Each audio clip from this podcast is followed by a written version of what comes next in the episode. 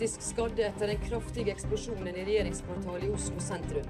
Dagene som følger, kommer til å kreve enda mer. Hurtigruten får kraftig kritikk etter smitteskandalen i sommer. Folk ble ikke testet i tide, mistanke om smitte ble ikke fulgt opp, og karantenereglene ble brutt. Det blir en uh, lang vei for oss. Jeg har svikta igjen og vil si unnskyld. Jeg har et alvorlig rusproblem bestående av alkohol, narkotika og piller i forbindelse med periodevis hard festing. Men Norge har kommet gjennom vanskelige tider før. Velkommen igjen til Kriserådet, en podkast for deg som står i en krise, har opplevd en eller frykter at du vil oppleve en. Vi snakker til deg som jobber i et selskap eller en organisasjon der krisehåndtering er viktig, eller kanskje er du bare litt interessert i å høre hvordan man løser en krise når den faktisk rammer. Og vi er Siv Meisingseth og Marianne Melfall. Og episoden du hører på her i Kriserådet, handler om hvordan kan vi forberede oss best mulig før en krise? Og hva er det lureste vi gjør for å få kontroll på en krise? Er det mulig å besvare dette på en enkel måte? Tja. Vi mener det er noen stikkord du bør vurdere. Ja, og vi skal snakke litt om Norges Banks håndtering av ansettelsen av ny sjef for oljefondet, Nicolai Tangen. Det ble mange runder og pga. både dyrt seminar og mulige egne økonomiske interesser som kunne svekke Tangens troverdighet.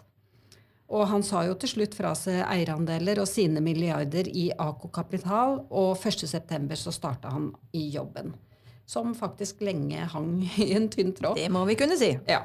Vi har snakket med kommentator Eva Grinde i Dagens Næringsliv om hva som gikk galt her. Hva kunne de faktisk ha gjort i forkant for å avgrense krisen? Og stikkordet her er jo rett og slett god interessenthåndtering og kanskje også scenariotankegang.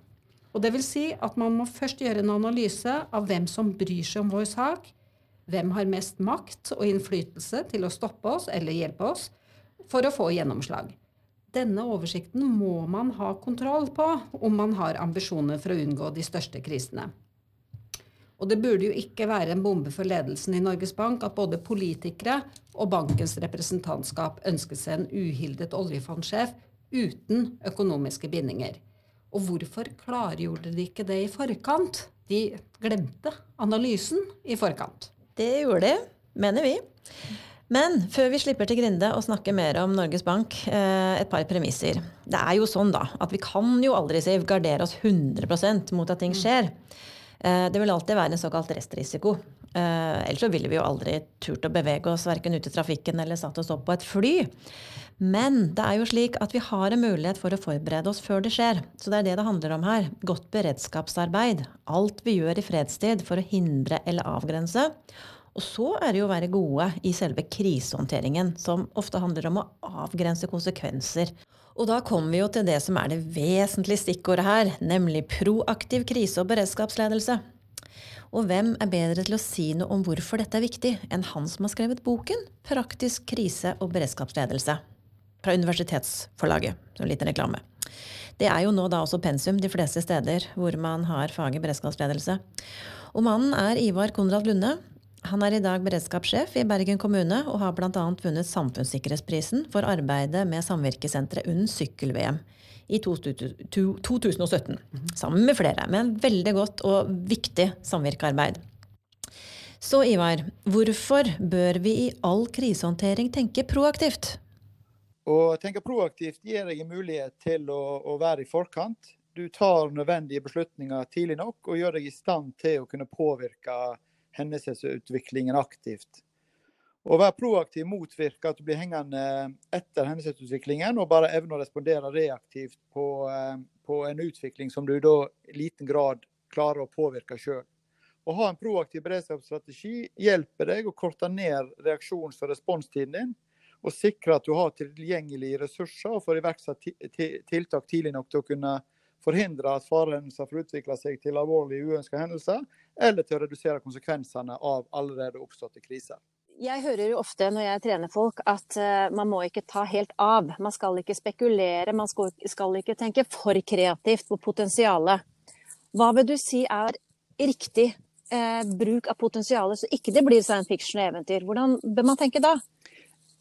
Det er ingen andre enn de som jobber i en organisasjon som best kan klare å definere det vi kaller det, det riktige potensialet. Da, eller eh, eller et, et, et eh, ikke usannsynlig hendelsesforløp da, for, eh, for den, eh, den informasjonen du står overfor. Da. Og, Mm. og, så det, det gjelder jo å, å finne et realistisk og ikke usannsynlig eh, konsekvenspotensial for den hendelsen du tror du står overfor. Da. Og så er det jo en del ting som, som gjerne hindrer oss i å ville tenke eh, proaktivt og handle proaktivt. Og, og det er jo kjente operative beslutningsfeller. Vi, Mm. vi har eh, optimismefellen, den iboende menneskelige troen på at ting stort sett vil gå bra. Vi har eh, status quo-fellen, som eh, ja, Egentlig så er vi jo litt late og ønsker gjerne å opprettholde en behagelig tilstedeværelse.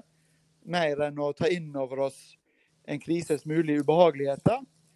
Og, og flere andre beslutningsfeller som, som spiller inn. Og for andre så er det nok manglende beredskapskultur i mange organisasjoner. Du har eh, frykt for å få, å få kjeft for å handle overilt og kanskje påført eh, organisasjonen unødvendige kostnader. Eller du har en frykt for å bli kjent for å være lettskremt og ikke ha tilstrekkelig is i magen. Og det er jo ikke så rart at det kanskje er sånn, for veldig ofte så går det jo eh, ganske bra uten at vi, vi foretar oss så mye. Men så er det så Mm. forferdelig trist da, de gangene eh, når vi ikke klarer å handle tidsnok, og, og, og derfor påføre andre eller oss sjøl unødvendig lidelse. Og så er det jo sånn at kritikk kommer du til å få uansett. Enten fordi du tok for hardt i, eller fordi du ikke tok hardt nok i. Og i hvert fall jeg eh, vil jo da leve best med å, å få kjeft for det at jeg tok for hardt i. Godt. Eh, takk skal du ha, Ivar. Dette var svært nyttig, og igjen oppfordring til alle om å tenke på det viset når vi nå en gang står overfor eh, en krise. Takk igjen. Ja, så proaktivitet når krisen er et faktum, er jo ikke så dumt. Men vi har jo også en prosess som må gjøres før vi kommer til en eventuell krise. En såkalt risiko- og sårbarhetsanalyse. Ja, rett og slett. Og da må man ta utgangspunkt i vår virksomhet. Hvor er vi mest sårbare? Er det i forhold til hackerangrep, arbeidsulykke, korrupsjon, sosial dumping eller noe helt annet, eller en kombi? Men det må vi vite før vi lager beredskapsplanen, som den er dimensjonert for det vi skal beskytte oss for. Og da kan vi møte truslene og beskytte verdiene våre best mulig. Ja, og planen vår den skal si noe om hvem som skal varsles, og hvordan. Hvordan vi mobiliserer, og hvordan vi setter stab.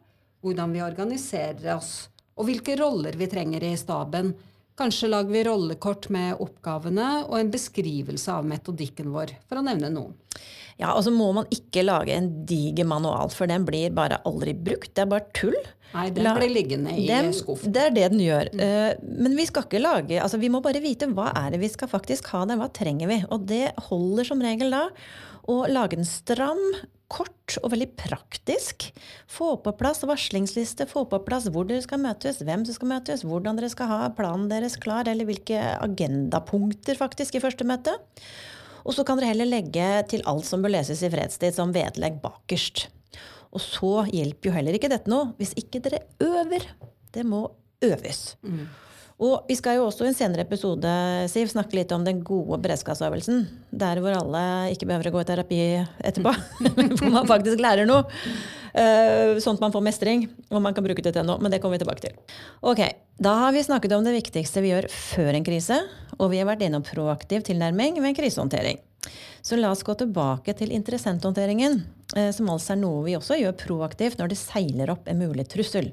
Ofte kalt en snikende krise. Ja, snikende kriser de dukker opp som små varsler og kan absolutt håndteres før de blir til skikkelige kriser, om vi har radaren ute. Da lager vi oss en liten plan for hvem vi bør ha på radaren. Hva er de opptatt av, og hva bør vi si til dem? Ut fra hva de er opptatt av. Og hvem bør vi da prioritere? Ikke nødvendigvis de som roper høyest, men de som er viktigst i forhold til eh, innflytelse og makt. Og da mm, er det et lite tips. Johnson Scholes har en eh, god matrise, og oversikt på dette.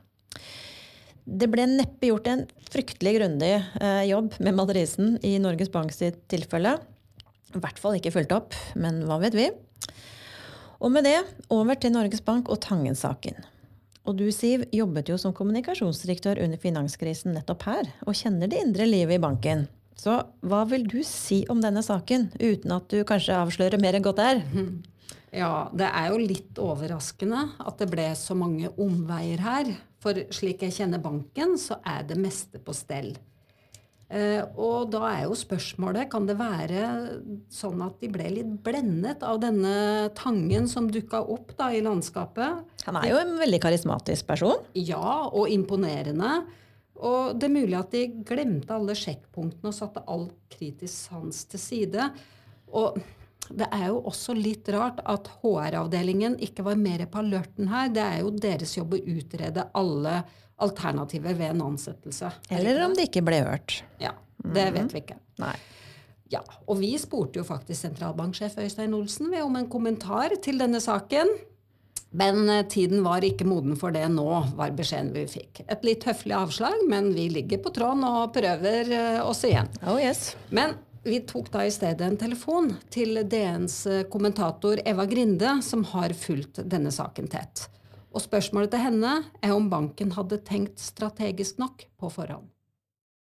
Nei, altså det er jo helt åpenbart at Norges Bank ikke skjønte hvilket enormt problem det kom til å bli at eh, Nicolai Tangen hadde disse eiendelene sine i AK Capital og eh, stor, en stor formue plassert i fond registrert på i skatteparadiser, og at dette kom til å stå i strid med den rollen han skulle ha som sjefen for det norske oljefondet.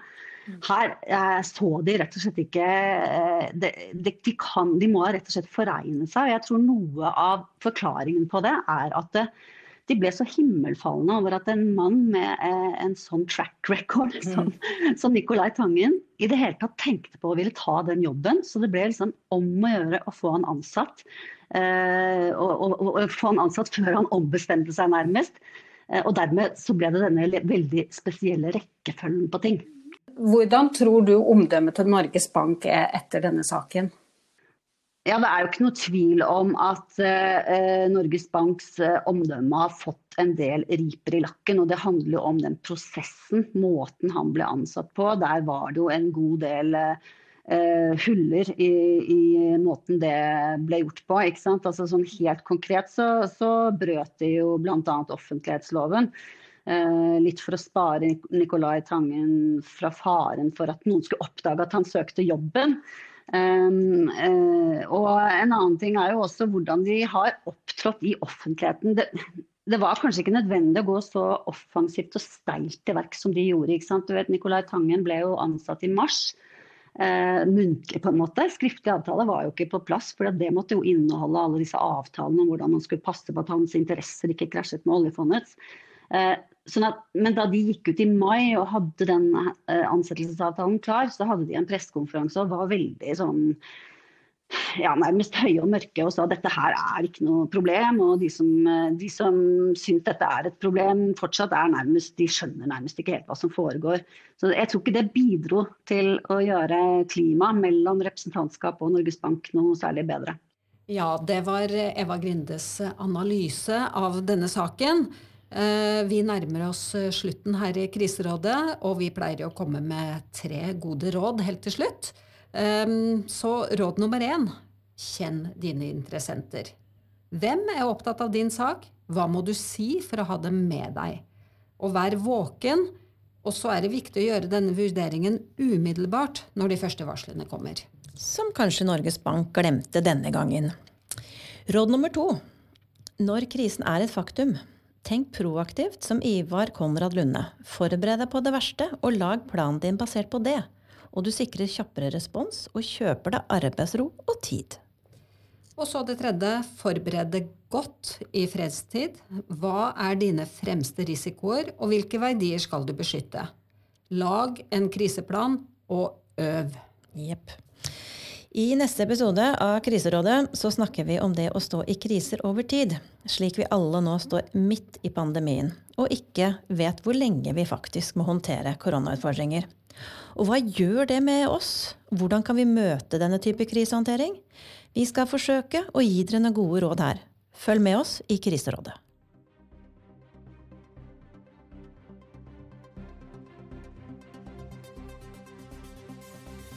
Du har nå hørt en episode av Kriserådet, en podkast teknisk tilrettelagt av Etern Media.